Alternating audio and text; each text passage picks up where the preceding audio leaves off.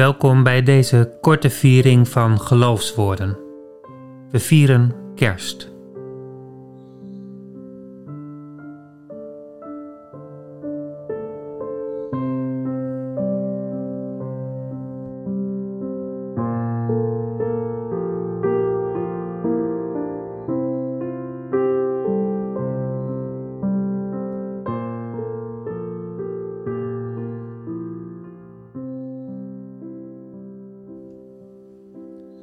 In het begin was het Woord. Het Woord was bij God en het Woord was God. Het was in het begin bij God, alles is er door ontstaan en zonder dit is niets ontstaan van wat bestaat. In het Woord was leven en het leven was het licht voor de mensen. Het licht schijnt in de duisternis en de duisternis heeft het niet in haar macht gekregen. Er kwam iemand die door God was gezonden. Hij heette Johannes. Hij kwam als getuige om van het licht te getuigen, opdat iedereen door hem zou geloven. Hij was niet zelf het licht, maar hij was er om te getuigen van het licht, het ware licht, dat ieder mens verlicht en naar de wereld kwam. Het woord was in de wereld de wereld is door Hem ontstaan en toch kende de wereld Hem niet. Hij kwam naar wat van Hem was, maar wie van Hem waren, hebben Hem niet ontvangen. Wie Hem wel ontvingen en in Zijn naam geloven, heeft Hij het voorrecht gegeven om kinderen van God te worden. Zij zijn niet op natuurlijke wijze geboren, niet uit lichamelijk verlangen of uit de wil van een man, maar uit God. Het Woord is mens geworden en heeft bij ons gewoond, vol van goedheid en waarheid, en wij hebben Zijn grootheid gezien, de grootheid van de enige Zoon van de Vader.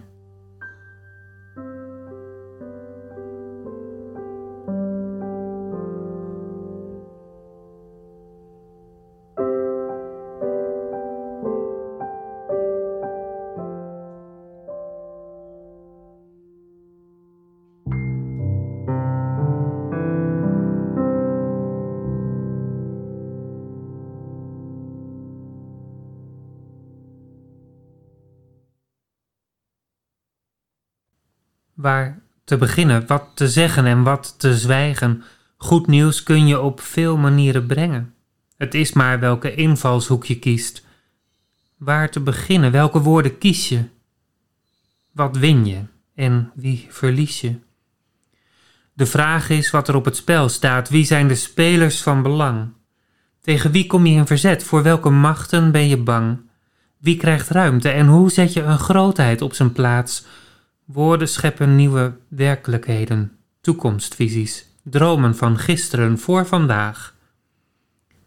Kerst vertelt van vergezichten van wat onbereikbaar lijkt en van wat zomaar onder ons is, tastbaar, kwetsbaar, present in onze eigen tijd.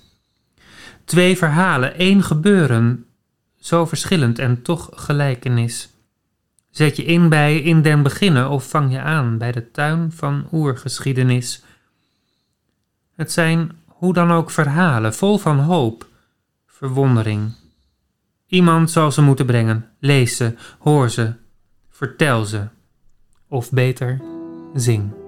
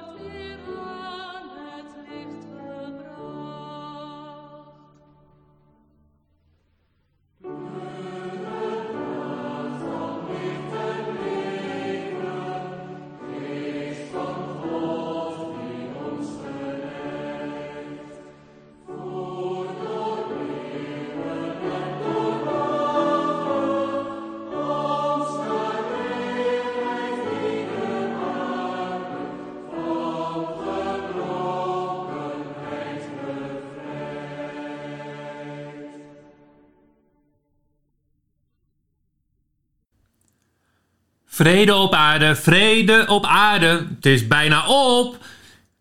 Maagdelijke geboorte, maagdelijke geboorte, wie verlost mij van maagdelijke geboorte? Medemenselijkheid, medemenselijkheid, wie maak ik blij met medemenselijkheid? Als een ehm, soort uh, kerkelijke koopman in klassieke kerstclichés sta ik op de Driesprong in Rosmalen. Daar waar op donderdag de weekmarkt is en daar waar nu een kerststal schittert door afwezigheid. Het, uh, het idee was simpel.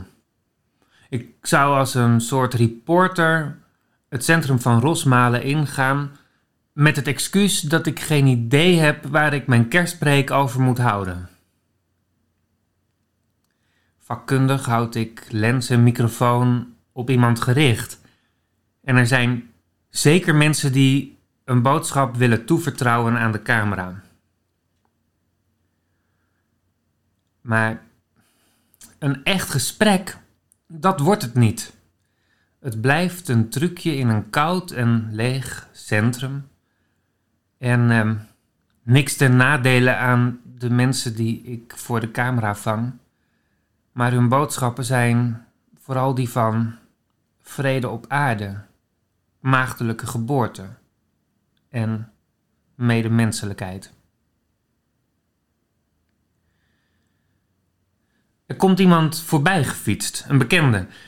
Die vraagt: Ben je hier nou zieltjes aan het winnen? Nou, het is meer dat ik met die van mijzelf daar onder de arm sta.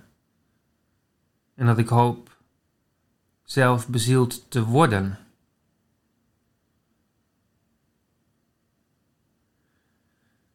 Het is er koud en leeg. Op de plaats waar op donderdag de weekmarkt is en waar nu een kerststal schittert door afwezigheid. Het is een beetje hoe ik mezelf voel.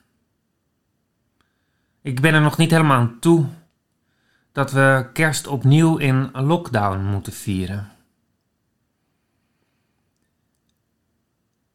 Ik, uh, ik spreek mezelf maar wat moed in.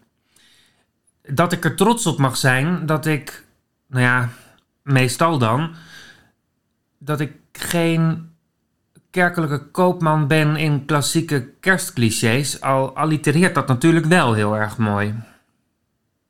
En dat ik er verder ook trots op mag zijn dat ik het gewoon probeer. Zo'n kerstreportage maken. Een, um, een experiment is een probeersel waar je iets van leert. Ja, dat bedenk ik zo. En in dat licht, um, ja, ik wil te veel. Ben te veel uit op een boodschap. Mooi en leuk beeld, maar dat werkt niet. Er komt een, uh, een vrouw op me af. Ze wijst naar camera en microfoon en ze zegt: Voor dat ding zeg ik niks, maar ik wil wel even met je praten. Elke dag gaat ze naar buiten. Binnen is het toch ook al niks.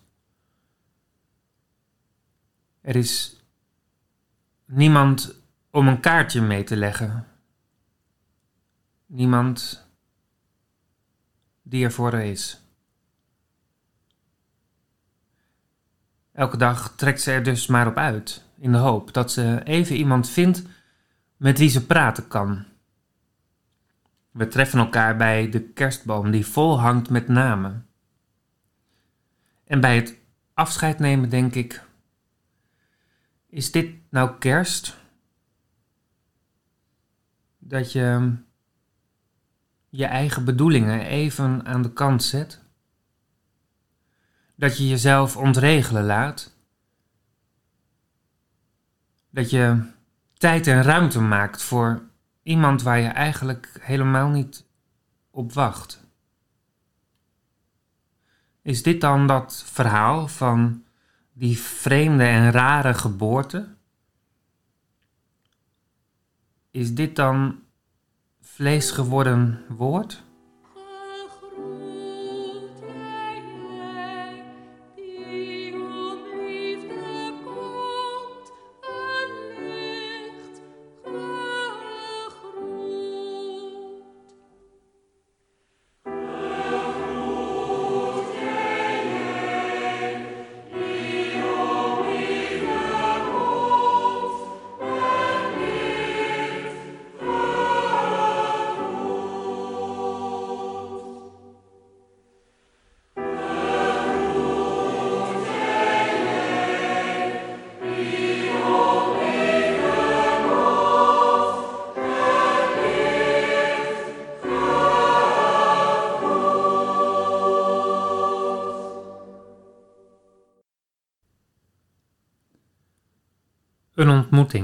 Een ogenblik dat jij en ik worden tot wij.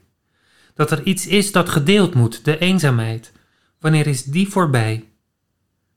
Dat wij houdt op te bestaan als ik me er buiten plaats en jou vooral iets zeggen wil.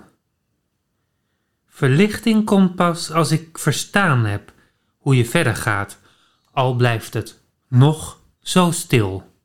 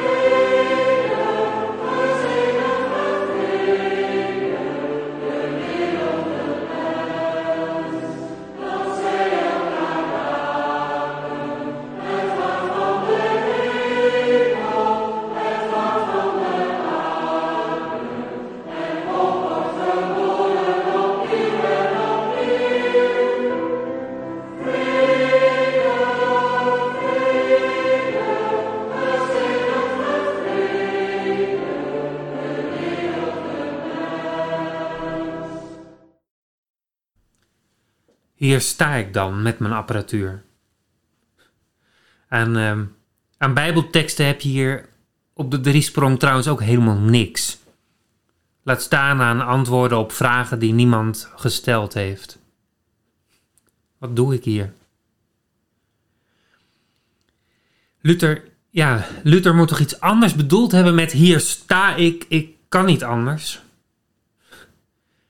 Dan, uh, ja, dan wat ik hier doe. Een beetje staan en om me heen kijken.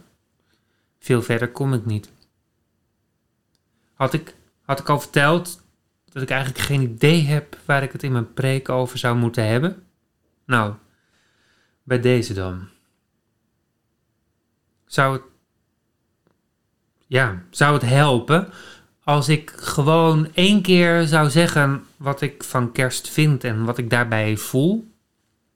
Dat ik het gewoon een onmogelijk feest vind om te vieren. En dat het in mijn ogen meer kwaad doet dan goed. Al was het alleen maar vanwege het feit dat iedereen zo'n enorme druk legt op gezelligheid. Om dan met z'n allen te gaan gourmetten. Dat dan alles in mij het uit wil schreeuwen dat dit niet bedoeld werd met vlees geworden woord dat dat hooguit iets te maken heeft met een armzalige culinaire smaak. Waar dan niet over getwist mag worden, dan natuurlijk. Al raak ik er hier wel meer en meer van overtuigd dat die herders in het veld een enorme kudde met slachtvee aan het hoeden waren. Als ik zie wat er langzaam aan boodschappen aan mij voorbij trekt. Gourmetschotels vooral. Mijn, mijn ehm, journalistieke reportersgeest staat trouwens nog niet helemaal op uit hoor. Ik deed net een ontdekking. Ik trok een conclusie. Niet dat je erom gevraagd hebt om die te delen, maar dat doe ik toch. In de meeste huishoudens is de goed gevulde koelkast vele malen groter dan de boekenkast. Het fijne van zo'n conclusie is dat je die ook om kunt draaien. Gewoon een kwestie van logica. De ehm, meeste boekenkasten zijn heel veel kleiner dan de koelkast die je in de meeste huishoudens aantreft. En eigenlijk zit daar precies mijn pijn en de moeite van dit moment. Want dat maakt dat boekwinkels geen essentiële winkels zijn en dat we vooral heel veel boodschappen aan het doen zijn bij supermarkten omdat we zoveel mogelijk willen kunnen consumeren. Wat gebeurt er met ons geestelijke voedsel? Iets van moraal. De dingen waar het in mijn ogen eigenlijk om zou moeten draaien. Ik word er een beetje somber van. Maar gelukkig houden ze er achter mij bij de omslag de moed er nog goed in. Moet denken aan dat huis in Den Bosch. Met op de gevel een soort van profetentekst. Een huis zonder boeken is als een lichaam zonder ziel. Vroeger kwam daar bijna niemand langs, maar sinds de nieuwe parkeergarage er is, schokt iedereen daar met volgepropte tassen langs. Terug naar die garage die de naam draagt van die wegbereider. Sint Jan. Johannes, de doper. Wegbereider dan met een korte ei, niet te verwarren met een lange ei. Wegbereider, automobilist. Die daar nu allemaal hun SUV en, en station wagon staan vol te proppen met alle cadeaus die zijn opgehaald in de binnenstad. Omdat kerst nu eenmaal een luxe feest is geworden. Vlees geworden woord, dat is geen, geen, geen, geen, geen gerechtje wat je voorgeschoteld krijgt in een of ander veel sterrenrestaurant. Heren, ik heb hier een gerechtje vlees geworden woord. Drie bereidingswijzen, gerookt, gebresseerd en um, gegrild. Nou, geniet ervan. Nee, dat is niet wat met vlees geworden woord werd bedoeld. Vlees geworden woord, dat is een persoon, iemand die op je afkomt. Die je opnieuw bepaalt bij alles waar het allemaal ooit om begonnen is, van den beginnen. Die dat opnieuw verstaanbaar wil maken voor mensen die toen niet konden lezen en niet konden schrijven. Ik merk dat ik niet alleen maar meer sta te blauwbekken en sta te verkleumen hier op de driesprong, maar dat ik zowaar nog wat bezield raak en niet langer met de ziel onder mijn arm sta. Ik voel me een beetje een herder in het veld, die in één keer weet het is onder ons, daar, precies daar waar mensen samen zijn en elkaar ontmoeten. Vrij naar Levinas. Daar waar we het gelaat van een ander ontdekken en ontwaren.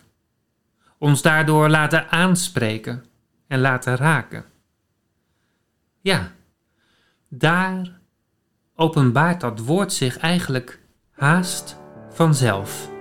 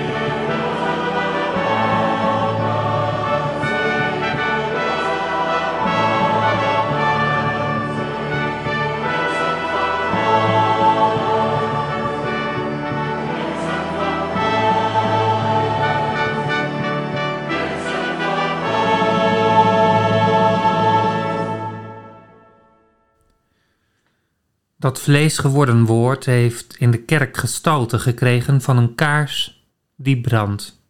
Hij brandt ook hier. Er brandt een kaars voor jou. Als de eenzaamheid je overvalt en er even niemand voor je is. Er brandt een kaars voor jou als alle hoop vervliegt en de toekomst duister is. Er brandt een kaars voor jou als je moe en uitgeput nog altijd zorgt voor velen. Er brandt een kaars voor jou, een vlam in het duister, voor als je het nodig hebt.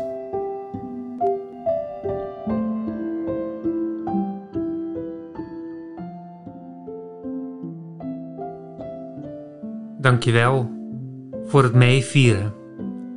Ik wens je een gezegend kerstfeest of, zoals ze hier in Brabant vaak tegen mij zeggen, een zalig kerstmis. Dat wens ik je toe.